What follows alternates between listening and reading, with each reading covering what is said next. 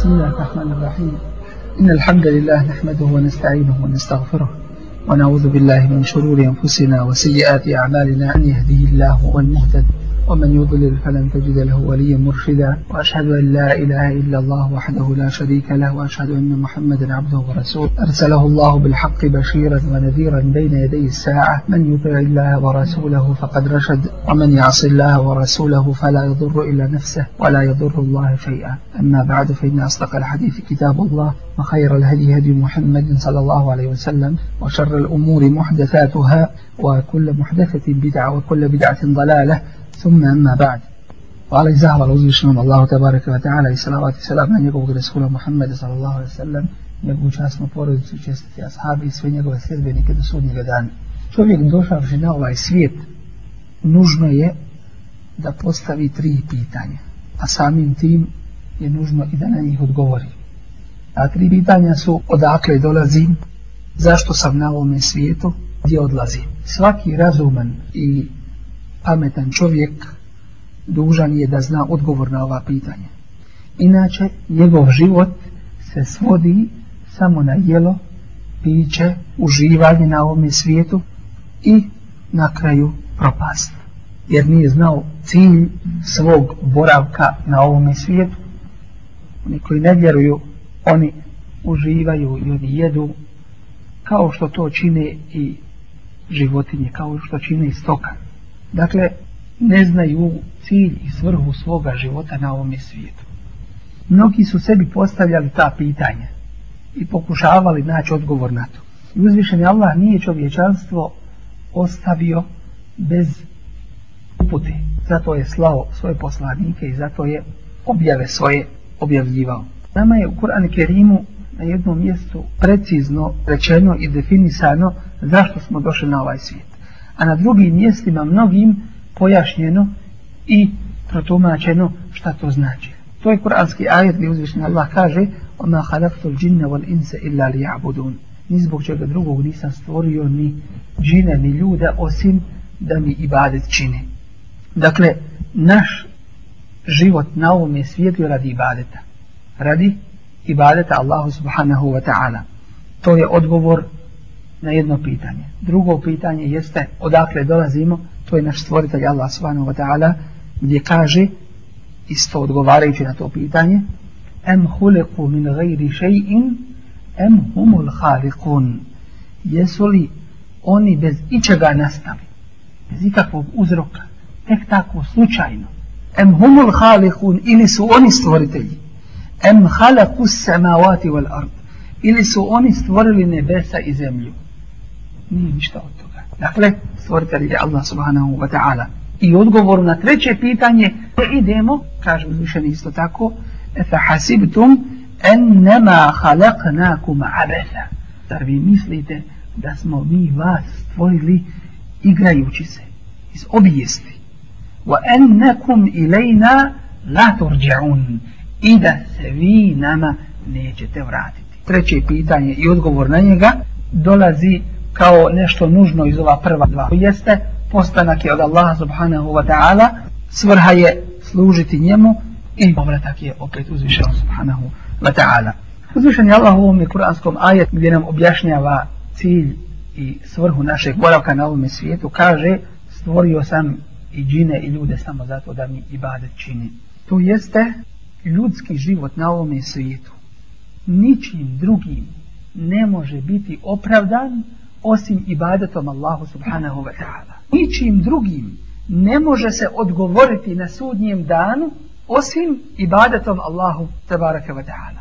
Drugim riječima, kad čovjek dođe na sudnji dan i bude upitan ona poznata pitanja, ništa drugo ne vrijedi da kaže osim samo ovaj odgovor, a to je bio sam uzvišeni Allahu na dunjaluku u ibadetu tebi. Da kaže bio sam na dunjaluku i radio sam u firmama raznim i istekao penziju ništa ne koristi osim ako je bilo u cilju pokornosti Allahu subhanahu wa ta'ala na nama je da odgovorimo na nekoliko pitanja vezani za ovaj ajet koji je temeljni ajet vezan za naš boravak na ovom je svijetu šta znači nisam stvorio ni zbog čega drugog, ni džine, ni ljuda, osim da mi ibade čini. To jednostavno znači da cijelokupni ljudski život nije opravdan ili bilo kakva radnja u njemu ako to nije ibadet Allahu subhanahu wa ta'ala. Mnogi to ne shvataju ovaj ajet. I sebi postavljaju pitanje i kažu kako mi možemo cijelokupni svoj život provesti u ibadetu. Kako možemo stalno biti u namazu, stalno postiti. Kako možemo stalno nešto od ovih vjerskih poslova činiti i tako dalje. To je nemoguće. Kao što vidimo u našoj praksi. A ovdje kuranski ajet kaže u jednom određenom, a zatim potvrdnom obliku. To jeste, stvorio sam ljude ni zbog čeg drugog, osim samo zbog ovoga. Dakle, nema nikakve druge svrhe stvaranja, niti kakvog drugog posla, osim, osim ibadeta Allah subhanahu wa ta'ala. U tom je smislu, islamska ulema je dala definiciju ibadeta. Su to, u stvari, sva djela, sve radnje koje čovjek čini, sva ubjeđenja, sa kojima je uzvišeni Allah te baraka ve ta'ala zadovoljan. To znači, tvoja unutrašnja ubjeđenja ili kako ih nazivaju unutrašnje radnje tvoje. Strah. Koga se najviše bojiš? Allah subhanahu wa ta'ala. Koga najviše voliš? Allah subhanahu wa ta'ala. Na koga se osloniš? Isto na njega. Od koga očekuješ pomoć? od uzvišenog stvoritelja i tako dalje. Sve ove unutrašnje radnje, zatim vanjske radnje koje su riječi, to jeste izgovor šahadata la ilaha illallah, pozivanje na dobro i odvraćanje od zla, učenje Kur'ana i tako dalje, lijepa riječ, sve su to riječi sa kojima je uzvišeni stvoritelj zadovoljen i dijela koja čovjek učini u svome životu, a to je traženje nauke u ime Allaha, tabaraka wa ta'ala, zatim ovi ibadeti koje poznajemo, namaz, post, zekijat, hađe, borba na Allahovom putu i tako dalje. Dakle, sve radnje, bilo unutrašnje ili vanjske, i riječi sa kojima je zadovoljan uzvišeni Allah tabaraka wa ta'ala. Sve to ibadet. Dakle, nije ibadet samo namaz, iako je to osnovni ibadet i temeljni ibadet, nego je ibadet svako tvoje dijelo koje je u skladu sa Allahovom voljom. Što znači drugim riječima, tvoj život na ovome svijetu može biti opravdan samo onim što ti je propisao i dozvolio uzvišeni stvoritelj Allah Đelešanu.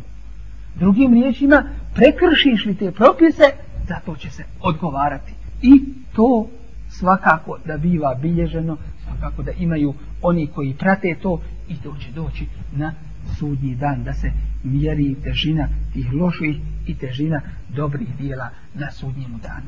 Dakle, musliman u stvari je opravdao svoj život na ovom svijetu time što je u pokornosti Allahu uzvišenom te baraka wa ta'ala. Nikako drugačije. I može se reći da je uspio onaj koji dođe na sudnji dan i opravdao je cilj i svrhu življenja na ovom svijetu. Drugi nisu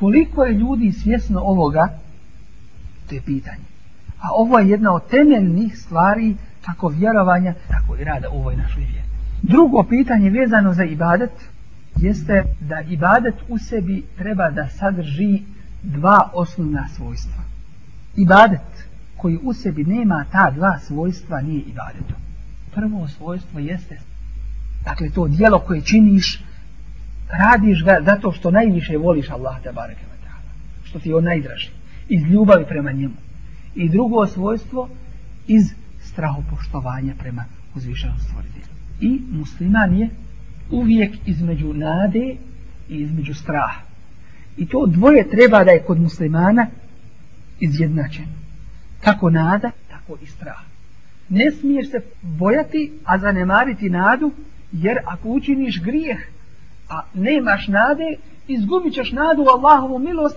pa ćeš još više činiti grije. Ako zanemariš strah prema Allahu tabaraka wa ta'ala, onda ćeš imat samo nadu, pa ćeš se nadati bez razloga, a ne imajući straha, i tako ćeš u stvari sam sebe upropasti, kao što kaže uzvišeni Ja ejuhel insanu, ma garrake bi rabbike kerim. O čovječe, šta te je zavelo u pogledu tvog plemenitog gospodara? jel to što kažeš Allah je milostiv, Allah oprašta to jeste istina, ali ima i drugo da je on šedidul ekab onaj koji žestoko kažnjava to u običajenom životu čovjekovom treba da je izjednačeno i nada i strah i musliman je između nade i strah najveći vam jedan primjer kada treba nada da preovlada treba da preovlada u smrtnom času da čovjek poveća stranu nade u Allahu te baraka ve taala milost nad stranom straha jer više tu ne imaš dijela onaj ko od ljudi od muslimana poželi susret sa Allahom i Allah poželi susret sa njim a onaj ko mrzi susret sa Allahom Allah te baraka ve taala mrzi susret sa njim pa pita Aisha radijallahu anha o Boži poslaniće ko od nas voli smrt A on kaže, nije to Aisha. Nego mu'minu kada se približi smrt, dadne mu se radosna vijest. Pa on poželi susret sa Allahom i Allah poželi susret sa njim. To su kuranske riječi. Inna alladina kalu rabbun Allahu, tom nastakamu, te te nezdalu alaihimu al malaikatu, la tehafu, la tehazenu. Wa abširu bil džennetin leti kuntum tu'adun zaista oni koji kažu naš gospodar je Allah, a zatim ustraju na tome do kraja svoga života. Vabu drabbeke hata tijeke li jakin. Budi u službi svome gospodaru, budi mu pokoran dok ti ne dođe ubjeđenje. Koje je to ubjeđenje u ovome slučaju? To je smrt. Sve do svoje smrti.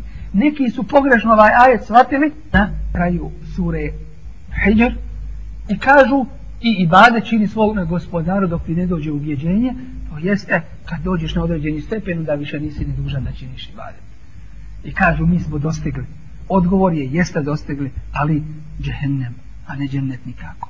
Jer oputa Božeg poslanika, ali sad sam je bila, da do smrti svoje i badet čini Allahu te barake wa ta'ala. Wa abud rabbeke hatta je tijekel jakin. Takvi mu'minima u smrtnom času dolaze meleki i kažu im la tahafu wa la tahzenu.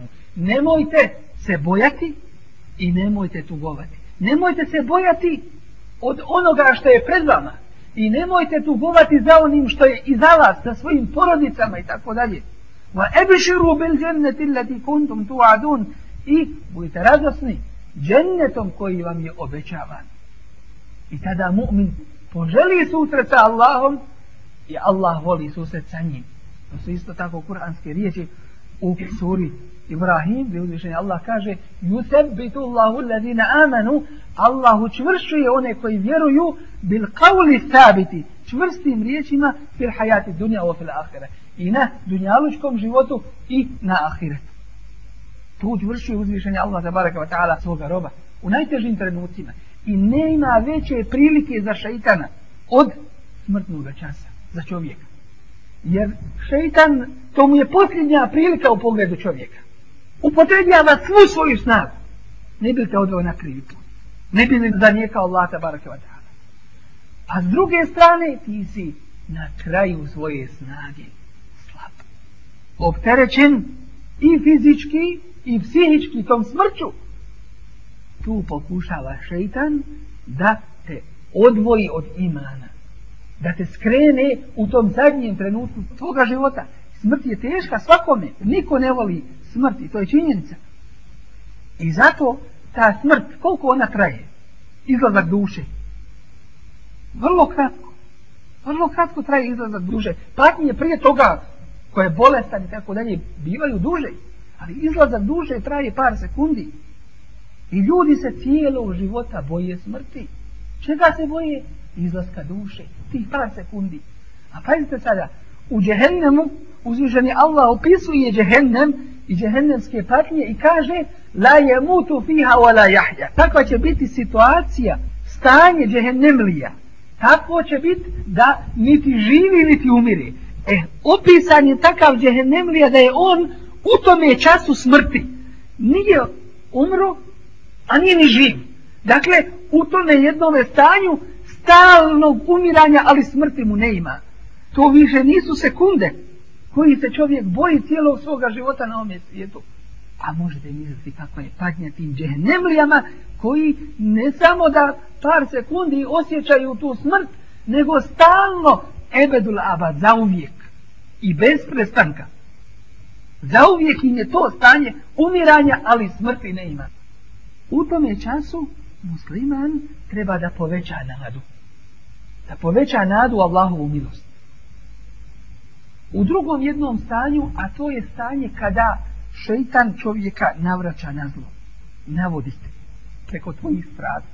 Jer prokleti šeitan vrlo dobro zna na što si ti osjetljiv. Koja je tvoja slabost? Kako je došao Adamu Aleisela? Šta mu je rekao? Vakase mehuma inni lekuma lemine nasihin i zaklinjao im se Ademu a.s. njegovoj ženi Havu. U džennetu. Inni lekuma lemine nasihin. Ja sam vama sigurno onaj koji vam daje iskreni savjet. Fadallahuma bi urud. Pa ih je tako zaveo i naveo na grije. A šta im je govorio? Govorio im je vama nije spriječeno da jedete s ovoga drveta illa en tekuna melekejni eu tekuna minel halidi. Ni zbog čega drugog, osim da ne biste postali meleki i da ne biste postali vječni. A to je bila želja Adema Aleizela. Šta znači da biste postali meleki? Da biste bili čisti, da biste bili nepogriješivi, da biste bili bliski Allahu. Je to nešto ružno? Nijukom slučaju. Da biste postali vječni, to je želja čovjekova. Da ne umire. Došao je preko njegovog osjećaja i te njegove želje. Adem ali Isram nije mogao zamisliti da može neko postojati da se zaklinje uzviženim Allahom lažno. Zato je odšao na taj grijeh i bilo je ono što je bilo. Šeitan kada nagovara čovjeka na grijeh, onda treba da preovlada kod tebe strana straha nad stranom nade. Ne u tom je slučaju da se ponadaš da kažeš pa da ja ovo uradim, Allah je milostiv. Ne. Onda se nemoj prisjećati Allahove milosti, nego se prisjeti kazne koja dolazi onima koji su nepokorni, koji griješe u zvišenom stvorite. Dakle, u uobičajenoj situaciji čovjek treba kod sebe da ima izjednačenu stranu i nade u Allahovu milost i straha od Allahove kazne, a u posebnim situacijama nekada treba da preovladava nada u Allahovu milost, a nekada treba da preovladava strah od Allaha tabarake wa ta'ala. Dokaz za to su riječi uzvišenog stvoritelja u suri Ali Imran na jednom mjestu kada nam uzvišeni zabranjuje da prisno prijateljujemo, da sarađujemo, da drugujemo sa nevjernicima, kaže وَيُحَذِّرُكُمُ اللَّهُ نَفْسَ A Allah vas upozorava sebe, čuvajte ga se, وَإِلَى اللَّهِ الْمَصِيرِ A Allahu ćete se vratiti. U ovom slučaju, kad postoji mogućnost grijeha, Allah spominje kaznu. Allahu će se vrati. Čuvaj se Allah. Dva ajeta iza ovoga kaže uzvišenje Allah govoreći o ahiretu وَيُحَذِّرُكُمُ اللَّهُ نَفْسَ a Allah vas upozorava na sebe وَاللَّهُ رَعُوفِ عِبَاد a Allah je milosti prema svojim robovima kada to kaže kaže govoru na ahiretu dakle nada kada veći čovjek na ahiret, onda je pretežna nada nad strahom.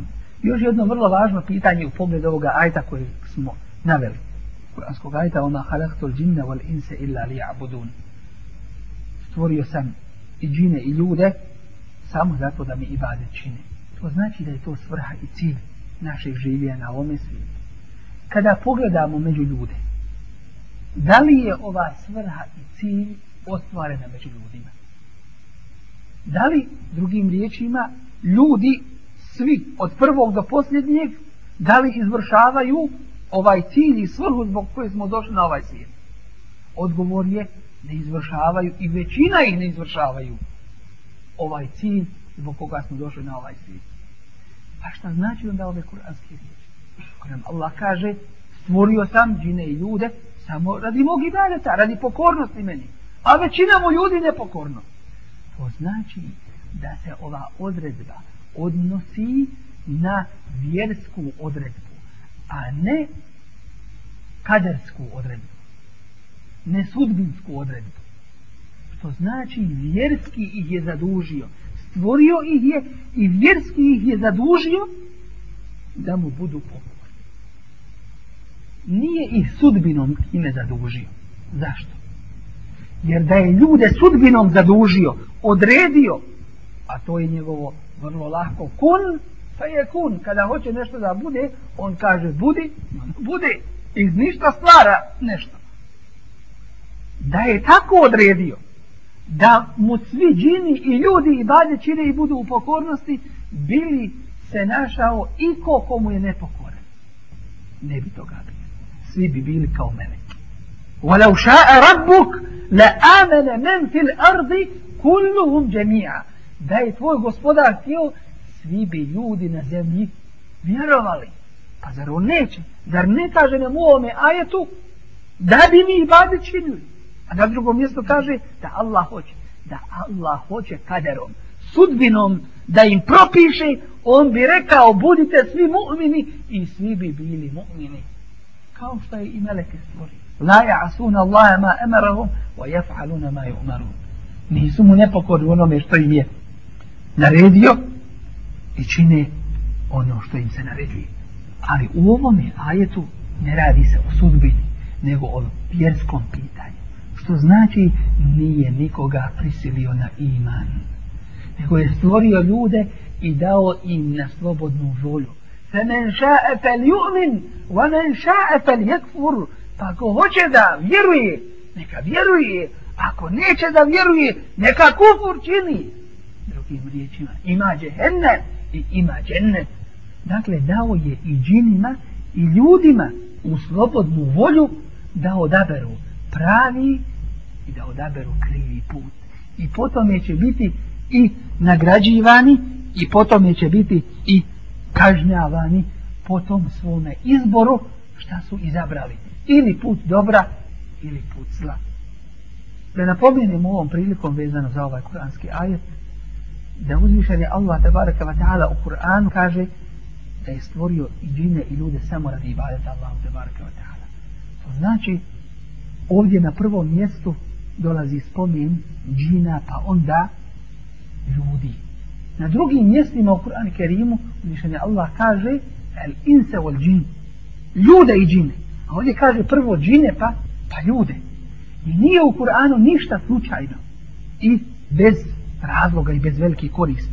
U ovom je slučaju, džini se prvo spominje, Allah najbolje zna mudrost svoga govora, možemo zaključiti da su oni u stvari prvi koji su stvoreni ili stvoreni prije ljudi, pa su i badetom zaduženi prije ljudi.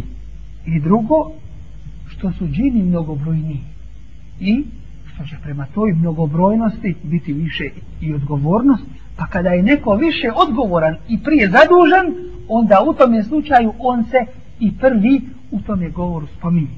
Dođimo u drugom kuranskom ajetu, uzvišenja Allah kaže u suratu Isra, vezano za nemogućnost džina i ljudi da dođu sa nekim sličnim kao što je Kur'an, kaže, kule in ičtene atiri, insu vel džini, Reci Allah o poslaniće, kada bi se sakupili, sad kaže prvo ljudi pa džini. Ala ijetu bi misli hada Kur'an, da dođu sa nečim sličnim ovome Kur'anu, la je tu ne bi misli. Ne bi došli sa nečim sličnim njemu, walau kane ba'dohum li ba'dil bahira, makar jedni drugima međusobno pomagali. Do sudnjeg dana niko ne može doći ni sa jednom surom, to jeste ni sa tri ajeta slična kuranskima.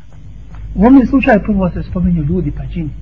Ulema kao razlog toga spominje da su ljudi na većem intelektualnom nivou nego su džini. I svi poslanici koji su dolazili ljudima bili su od, od ljudi, a ne od džina. I zato ovaj Kur'an je objavljen i džinima. Kao što je Inđil, kao što je Tevrat, Zebur i tako dalje.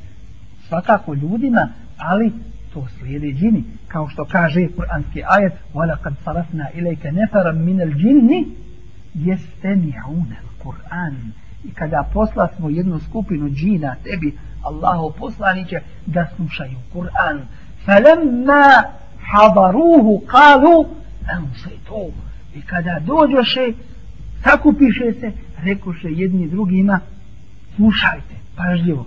فَلَمَّا قُضِيَ pa kada im je proučeno nešto iz Kur'ana vallau ila qaumihim munzirin odoše svome narodu da ih opominju kalu ja qaumena rekoše o narode moj inna sami'na kitaban mi smo čuli knjigu unzile min ba'di Musa koja je objavljena nakon nakon Musa znaju i za Tevrat a saznali su i za Kur'an Dakle, džini u pogledu Allahovih poslanika i Allahovih objava slijede...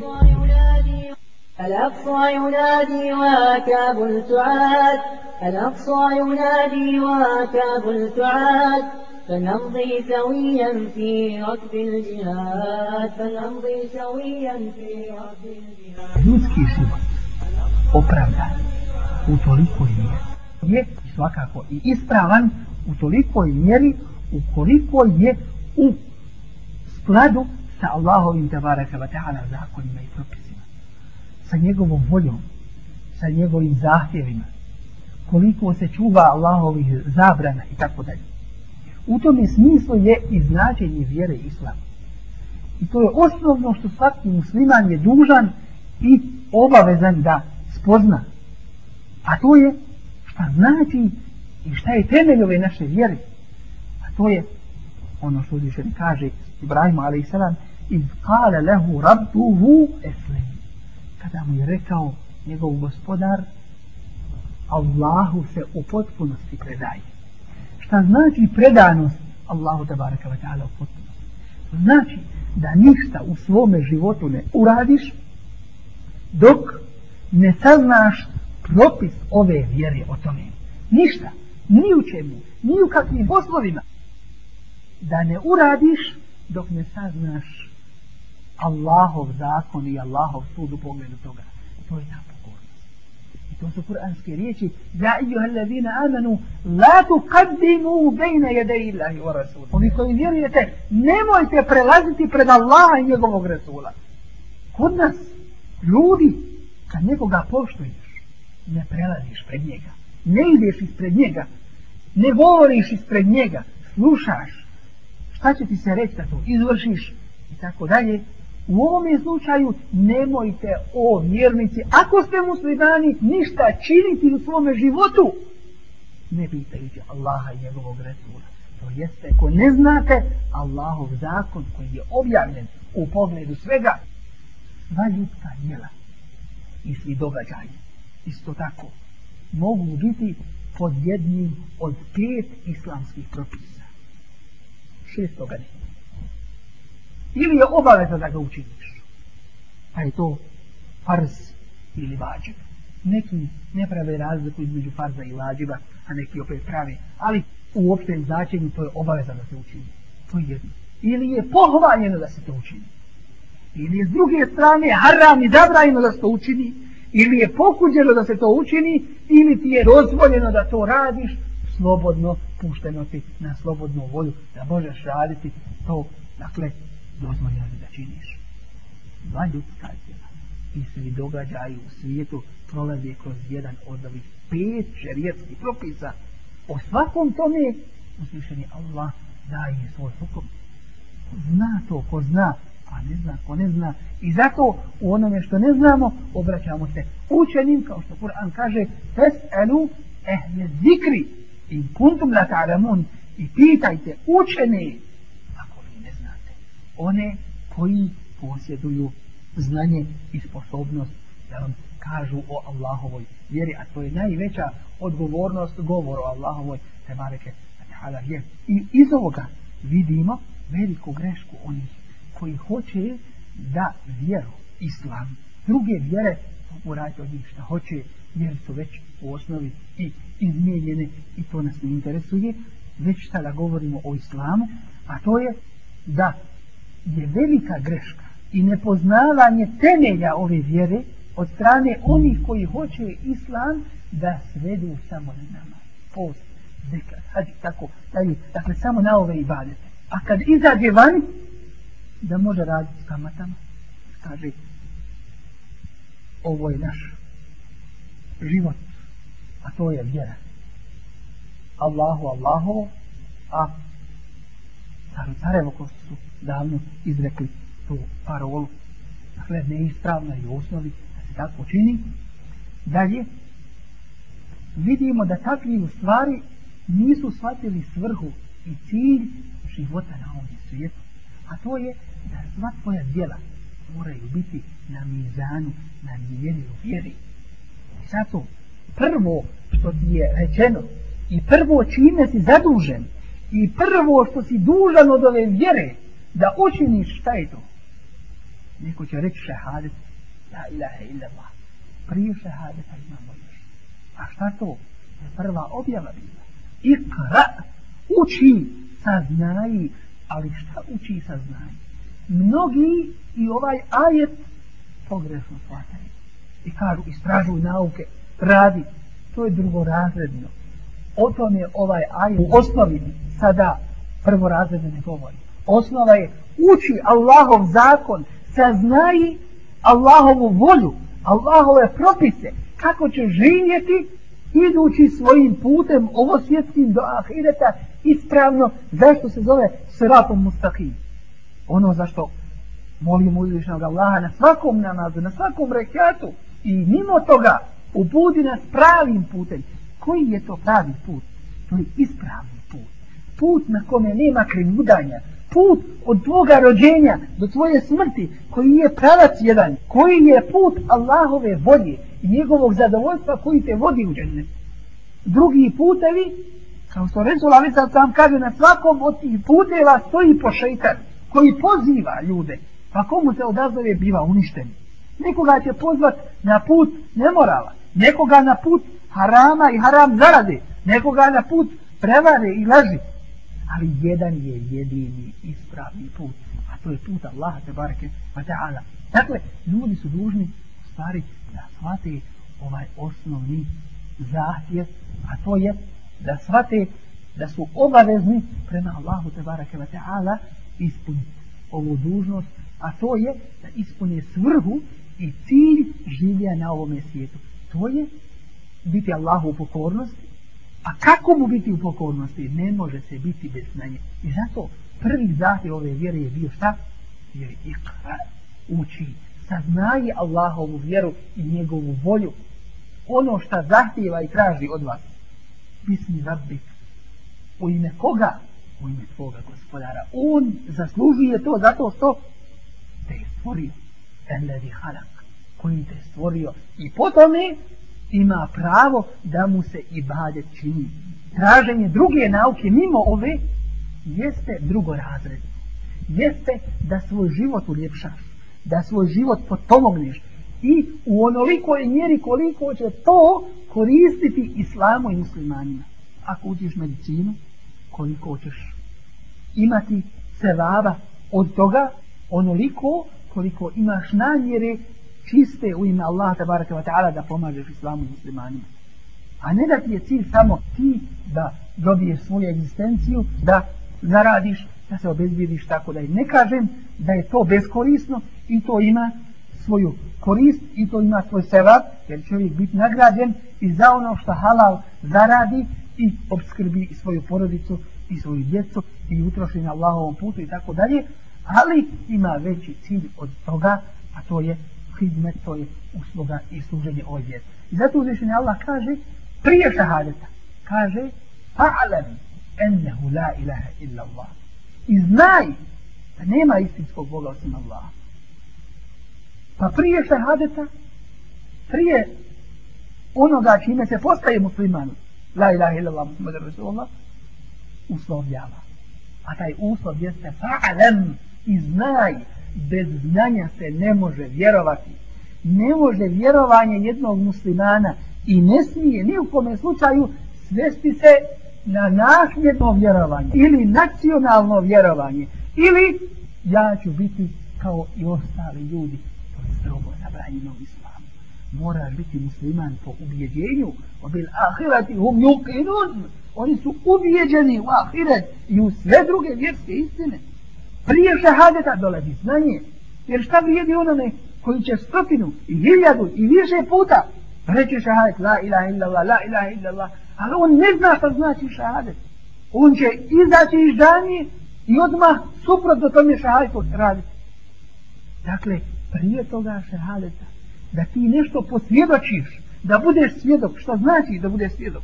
Da si svjestan toga u ljudskom zakonu ili među ljudima, bolje rečeno, jer postoji jedan zakon koji je jedini, ispravan i savršen i drugo može samo da mu se pokori, a to je Allahov da baraka vada'ala zakon. Među ljudima, da li možeš doći i svjedočiti ako nisi prisustovao nečemu? Da li možeš biti svjedok Ako ne znaš nešto, ne možeš biti svjedok. A u vjeri je to još preciznije i još važnije. A to je kako ti možeš biti musliman i reći la ilaha illa Allah. To jeste ešhedu, svjedočni, svjedočenjem pred Allahom, ne pred ljudima, što je još važnije. A uz to nakon toga među ljudima svjedočiš taj šehadet. A ti ne znaš njegovo značenje, ne znaš obaveze toga šehadeta, ne zna šta iz toga šehadeta proizviće. I zato Resulullah i zato sadam, kada je pozvao svoj narod u islam, bio je vrlo jasno, nije ništa Allahovo vjeri predpostavljao. Nije ništa pred Allahovo vjeru stavljao. Odmah je ljudima rekao da to znači pokornost Allahu te barake wa ta'ala. Da to nije istrazan govor. Danas ćeš mnoge naći koji govore šahat la ilaha illa Allah, ali suprostavljaju se tome šehadetu u svakodnevnim svojim poslovima. Znači, mušici u Mekki kada su došli Resula, ali sad se i kažu mu, i nude mu, i bogatstva, i slasti, i, i položaj, i uživanje ovoga svijeta. Kažu, ja tražim od vas jednu riječ. Oni kažu, koju? Daćemo ti koliko god hoćeš. Ako je pitanje riječi, kaže, kulu la ilaha illa Allah, recite la ilaha illa Allah. Oni kažu, to ne Sve ćemo drugo da samo to nećemo. Šta to znači? Znači da su shvatili ono u šta ih poziva. A to je pokornost uzvišenom stvoritelju. Vamo te barake vatale. Ova vjera nijukom slučaju ne smije se svesti na ubjeđenje. Jer se ona sastoji iz dva vrlo važna dijela. Prvi dio ove vjere jeste ubjeđenje. Jer bez ubjeđenja nema ni rada šarijetu ima jedno osnovno pravilo i u usuli fiku u temeljima islamskog prava i vjerozakona. A to pravilo je da onaj ko ne ima svijesti ni havdjesti, to jeste ne ima pamjeti, on ne može biti ničim ni zadužen. I zato lud nije zadužen ni klanjanje. Ludog čovjeka nećeš ga usjetirati klanjanje. Nije dozvoljeno. Zašto? Nije obavezno osnova za tekliv, osnova za zaduženje, za obaveznost nekoga da nešto učini, jeste šta? Razum. I zato la i kraja te dini nema prisile u, u vjeru. Da nekoga uvedeš u vjeru da ima prisile. Znači, ako neko već prihvati vjeru, taj ajac se na njega više ne odnosi. Zašto? Jer onda je dužan i obavezan da izvršava vjerske propise jer je već to prihvatio svojih prihoda i islam. Kažemo, islam se sastoji iz dva vrlo važna temelja. Prvi temelj jeste vjerovanje, jeste ubjeđenje, a drugi jeste djelovanje i rad. Jedno bez drugoga ne može. Nit može rad bez uvjerenja, nit može uvjerenje bez rada i djelovanja.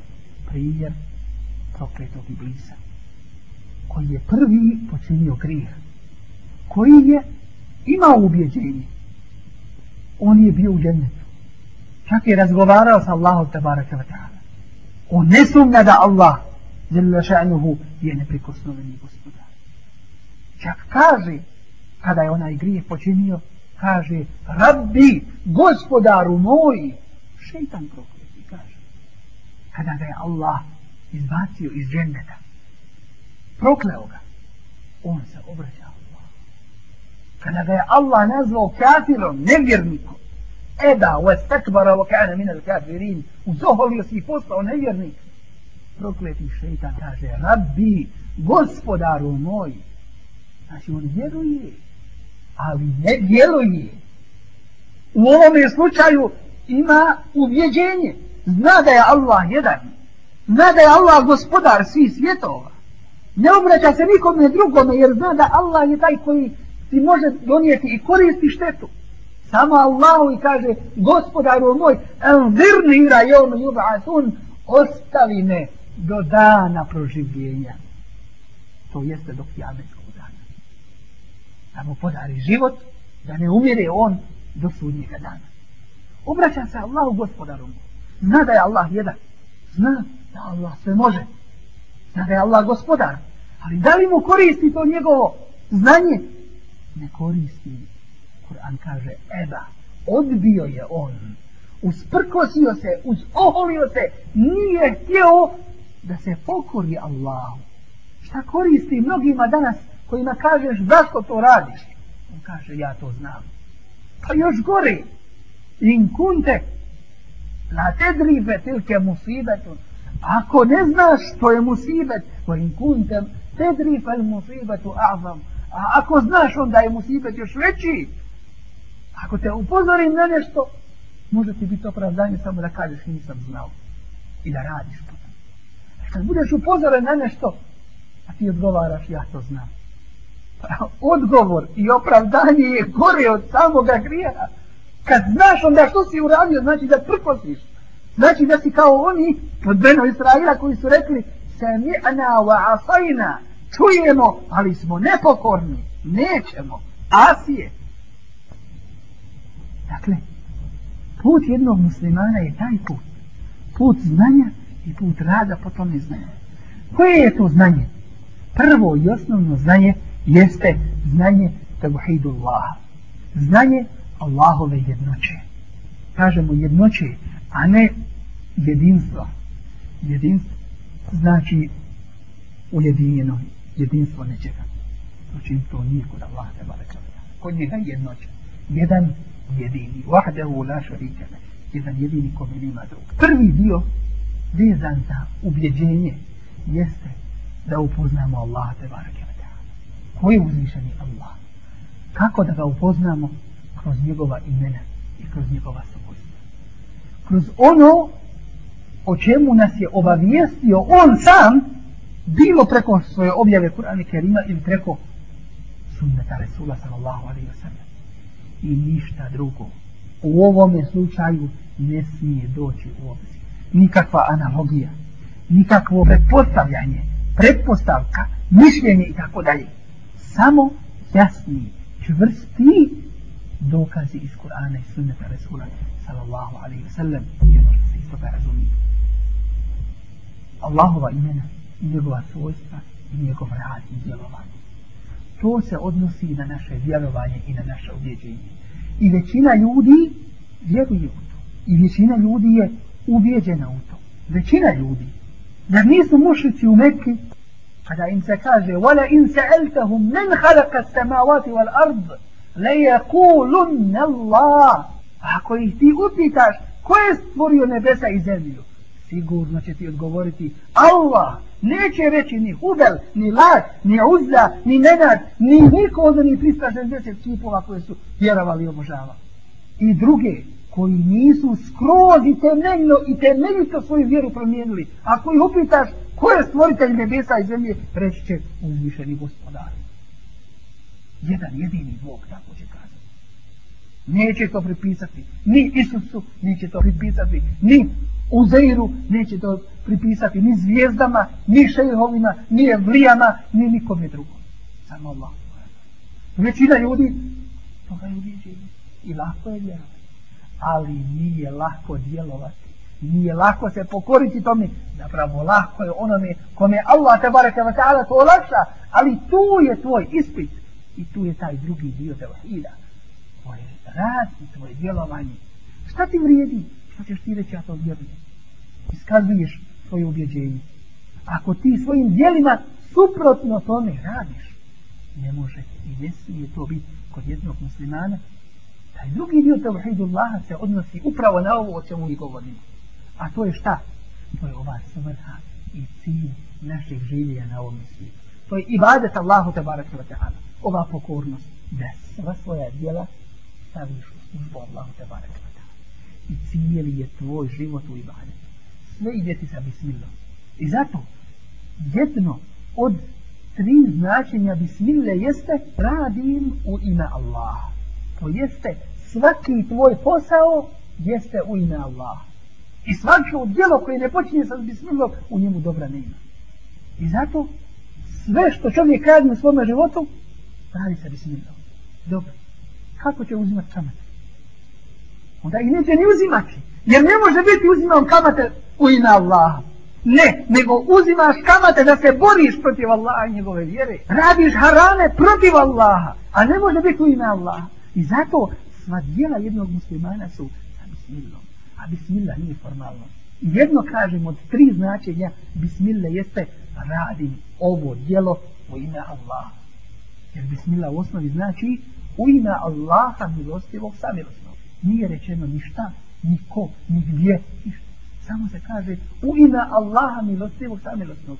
Ulema ima tri mišljenja i tri stava u pogledu ovoga značenja.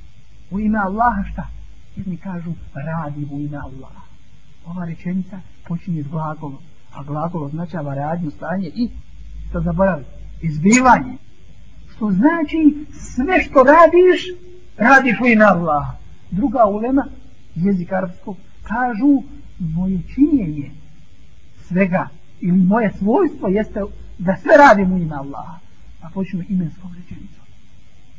Ne samo da kad nešto radim, radit ću ovo u ime Allaha i to u ime Allaha i sve u ime Allaha.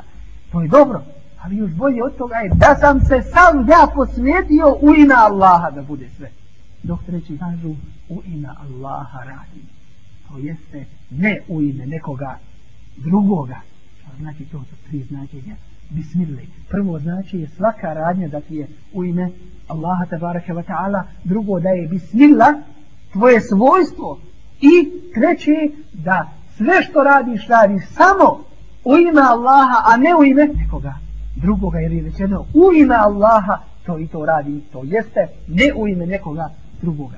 Dakle, musliman posvjeti cijelokupni svoj život svome stvoritelju. I to je značenje riječi uzvišenog Allaha te barake wa ta'ala gdje kaže svome robu i svome poslaniku Ibrahimu alaih sallam iz kala lehu rabbuhu eslim kada mu reče njegov gospodar Allahu se predaj kale eslentu li rabbil alemin on reče potpuno sam predan to jeste u svim svojim radnja, stanje izbivanje u svemu svome sam u potpunosti predan li rabbil alemin i on je rekao svome gospodaru nego li rabbil alemin gospodaru svih svjetova to jeste ja se priključujem tome ogromnom mnoštvu koje i bade čini Allahu te bareke ve taala i ja sam od tih koji su mu pokorni a šta su ljudi pa i džini recite kojima je i ljudima i džinima dato na slobodnu volju da ibade čini po čemu će biti ili nagrađeni ili ako ne učini kažnjeni šta su oni nastran ogromnog broja Allahovih stvorenja meleka gdje nema na nebesima nikoliko četiri prsta slobodnog prostora a da to nije Allahov melek koji mu je na seđbi u ibadetu Allahu tabaraka wa ta'ala. La jasurun. Oni ne prekidaju svoj ibadet. Koji svakoga dana ulaze u Bejtul Ma'amur, na nebesku kjavu, pod nebeske kjave na sredmome nebu. Mi 70.000 i koji više nikad tu ne dolazi. Svaki dan. Oni koji će na sudnjemu danu držati jehennem za 70.000 povodaca. Svaki od tih povodaca džehennemskih na njemu će biti po 70.000 meleka. Čuva će džehennem da se ne otrgne od žestine i siline koja je u njemu. Pa možemo li zamisliti koji je taj broj koji Allahu te baraka wa ta'ala i vade čini s jedne strane i koji je kojemu i vade neki ovaj koji mu je pokoran neuporedivo je mnogobrojni i veći i zato Ibrahim a.s. kaže eslemtu li rabbil alemin pokoran sam predan sam gospodaru svih svjetova i zato mu je Allah dao i to je ta velika i najveća snaga koja staje pred ujedinjene narode ili pred mnoge saveznike kao što su bili se okupili u bitci na Ahzabu i tako dalje na Hendeku zato je Ibrahim a.s. on jedan stao pred cijeli svijet cijeli svijet kufra pred njim a on stao jedan jer zna da je uz njega Allah te barek kakav volim Allah da pomaže i takav je jači od mnogih naroda od mnogih zajednica takav je svjestan da je Allahova pomoć uz njega. I ono čega trebamo da budemo svjesni, to je da ovo značenje o kojem smo mi sada govorili, većina ljudi ne zna. Zapravo kod većine muslimana je nepoznato. Iako je ovo osnova i temelj vjere kod većine muslimana, da ne govorimo o drugima, je nepoznato. Iako mnogi od mnogih. Uči često kuranske riječi Iyake na'budu wa iyake nesta'in. Što znači drugim riječima šahadu. Iyake na'budu znači la ilaha. Iyake samo tebi. To jeste nikoga drugog na'budu. Samo tebi ibade činimo. To jeste samo se tebi pokoravamo. Samo smo u tvojoj volji uzvišeni stvoriteli. Šta muslimani za toga uči? Ihdina sirata muslima uputi nas pravim putem. Putem čega? Putem toga ibadeta. Te pokornosti tebi Allahu. A uz pokornost ide va ijake nesta'in. Samo